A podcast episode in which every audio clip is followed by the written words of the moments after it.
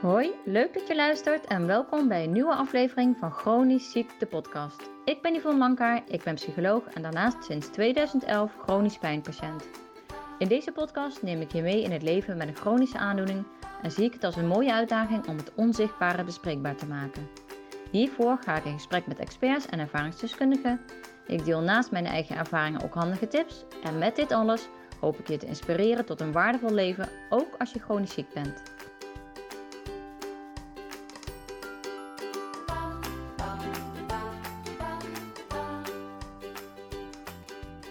Hoi allemaal en superleuk dat je weer luistert naar een nieuwe aflevering.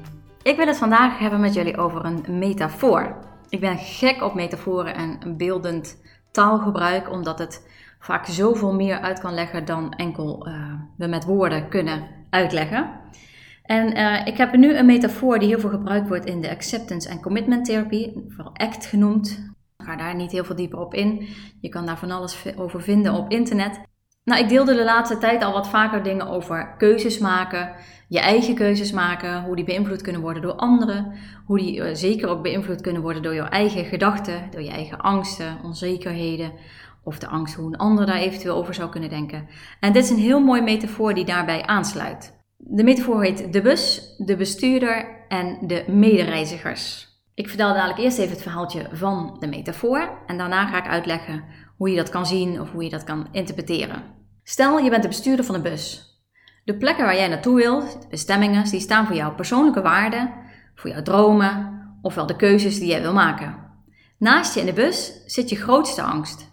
Bijvoorbeeld de angst om het niet goed te doen. Dat is eentje die bij mij heel vaak speelt. Of om afgewezen te worden.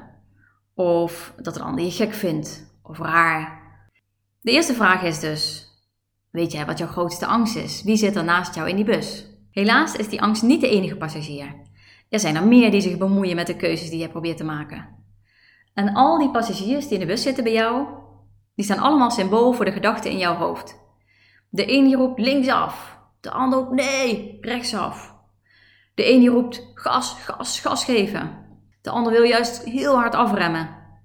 En wanneer jij van baan wil wisselen, op de weg, andere rijstrook, dus bijvoorbeeld starten met een therapie, of juist stoppen met een therapie, starten met een nieuwe baan, of juist helemaal stoppen met werken omdat het te zwaar is, of je grens aangeven aan een vriendin, nou, een nieuwe hobby starten voor jezelf, dan begint er altijd wel één te tetteren. Zou je dat nou wel doen?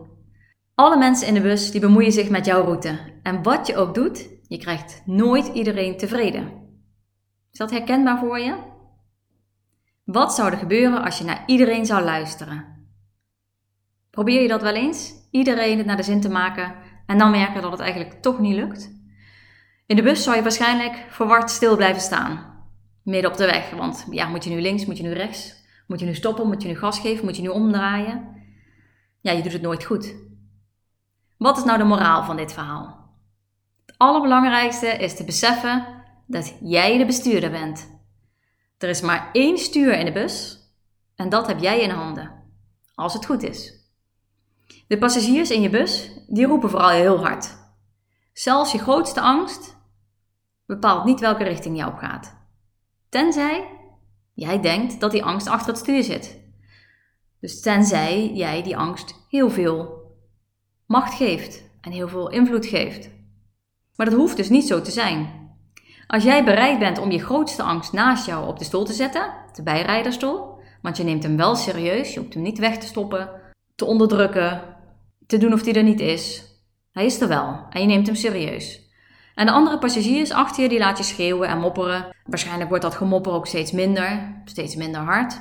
Als ze zien dat jij eigenlijk gewoon serieus bent en je eigen keuzes maakt, daar vol vertrouwen in staat en die eigenlijk steeds minder impact gaan hebben op jou. En vervolgens kun jij dus zelf je richting bepalen. Misschien worden een bepaalde passagiers nou wel echt helemaal rustiger met de tijd of verdwijnen ze. Maar jij bepaalt dus. Jij rijdt en jij stuurt. Ik vind dit ontzettend mooie metafoor om te gebruiken nou, in de gesprekken die ik voer, maar ook dus om mee te, geven aan jullie.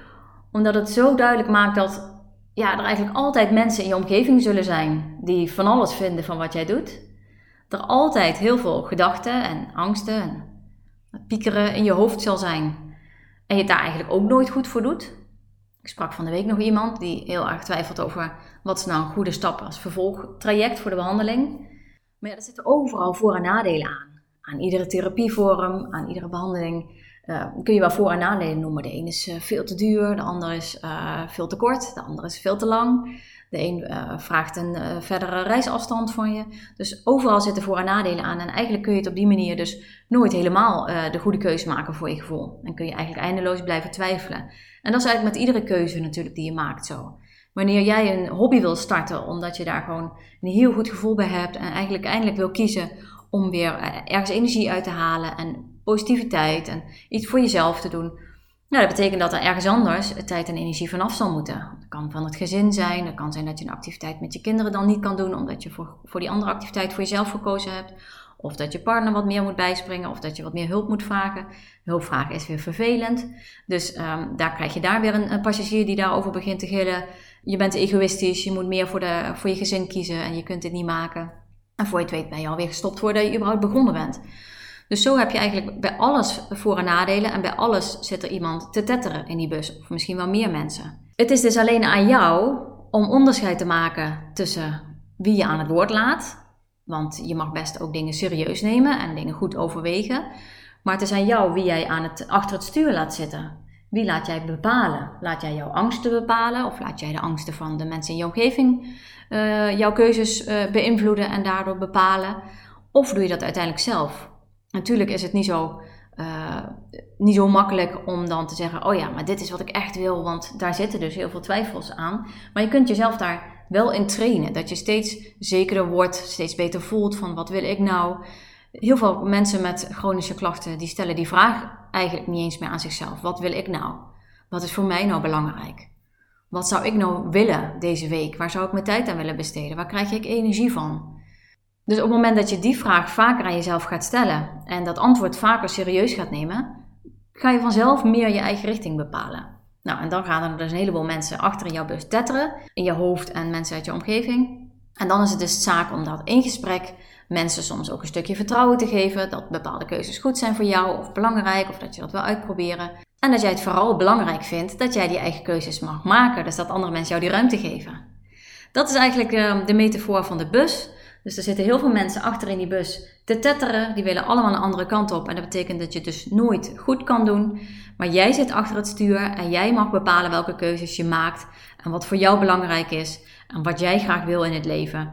En daar zit een heleboel onzekerheid bij. Maar besef dat dat allemaal passagiertjes zijn in jouw bus.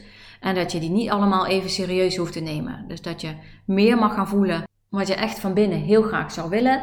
En daar meer op mag gaan varen, op, die, op dat kompas eigenlijk. Soms kan het ook een aanvulling zijn om te denken: welke passagier kan ik uit mijn bus zetten?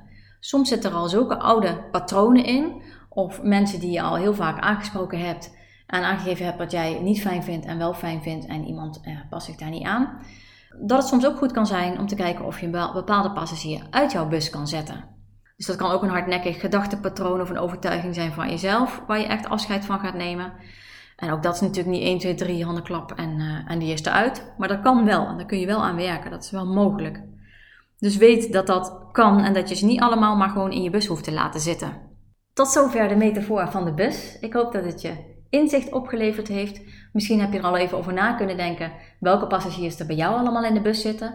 Uh, het is misschien een leuke oefening om er in ieder geval drie of vier echt nou ja, concreet te maken. Zijn dat mensen? Zijn dat uh, vaste gedachtenpatronen die je al heel lang hebt? Breng het eens onder woorden, schrijf het eens op. Teken eens een bus als je ook creatief bent en uh, zet ze er eens in. Om het echt voor jezelf in beeld te krijgen. nou, waar zitten die dan? En wat roepen ze dan?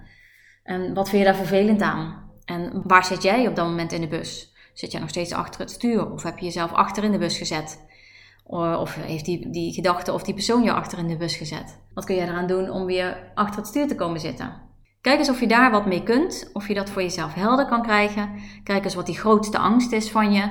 Uh, of je die op de passagiersstoel kan zetten, of je hem wel serieus kan nemen en hoe je ervoor kan zorgen dat je daar beter mee om kan gaan. Dat hij niet continu jouw richting en jouw keuzes beïnvloedt, maar er wel mag zijn. Kijk eens of je daar wat mee kan. En dan hoop ik dat met dit in het achterhoofd het jou lukt om uh, nou, de komende tijd misschien een keuze te gaan maken voor jezelf. En een knoop door te hakken over iets waar je misschien al heel lang over twijfelt. Omdat je dus het gevoel hebt er nooit de goede, echte goede keuze te kunnen maken. Ik ben heel erg benieuwd of dat je gaat lukken. Mocht je hier nog vragen over hebben, laat het gerust weten. Ik denk heel graag met je mee als je denkt van jeetje, wie zit er nou allemaal in mijn bus en wat, wat tetteren die dan? En ik vind het moeilijk om daar zicht op te krijgen. Laat het gerust weten. En dan uh, hoop ik jullie natuurlijk weer hier te treffen bij mijn volgende podcastaflevering. Voor nu een hele fijne dag. Superleuk dat je weer luisterde naar een aflevering van Chronisch Ziekte Podcast. Ik hoop dat het je nieuwe inzichten en inspiratie opgeleverd heeft. Laat het me vooral weten op Instagram waar je me kunt vinden op Psycholoog. Laat daar ook je vragen achter die ik eventueel mee kan nemen in een nieuwe aflevering. Wil jij een centje krijgen wanneer er weer een nieuwe aflevering van Chronisch Ziekte Podcast online komt? Abonneer je dan op dit kanaal op je Spotify app of op iTunes. En ik zou het echt super tof vinden wanneer je hier een review achter wil laten. Daarmee help je mij meer mensen te bereiken en daar word ik dan weer heel blij van. Tot de volgende aflevering en nog een hele mooie dag gewenst.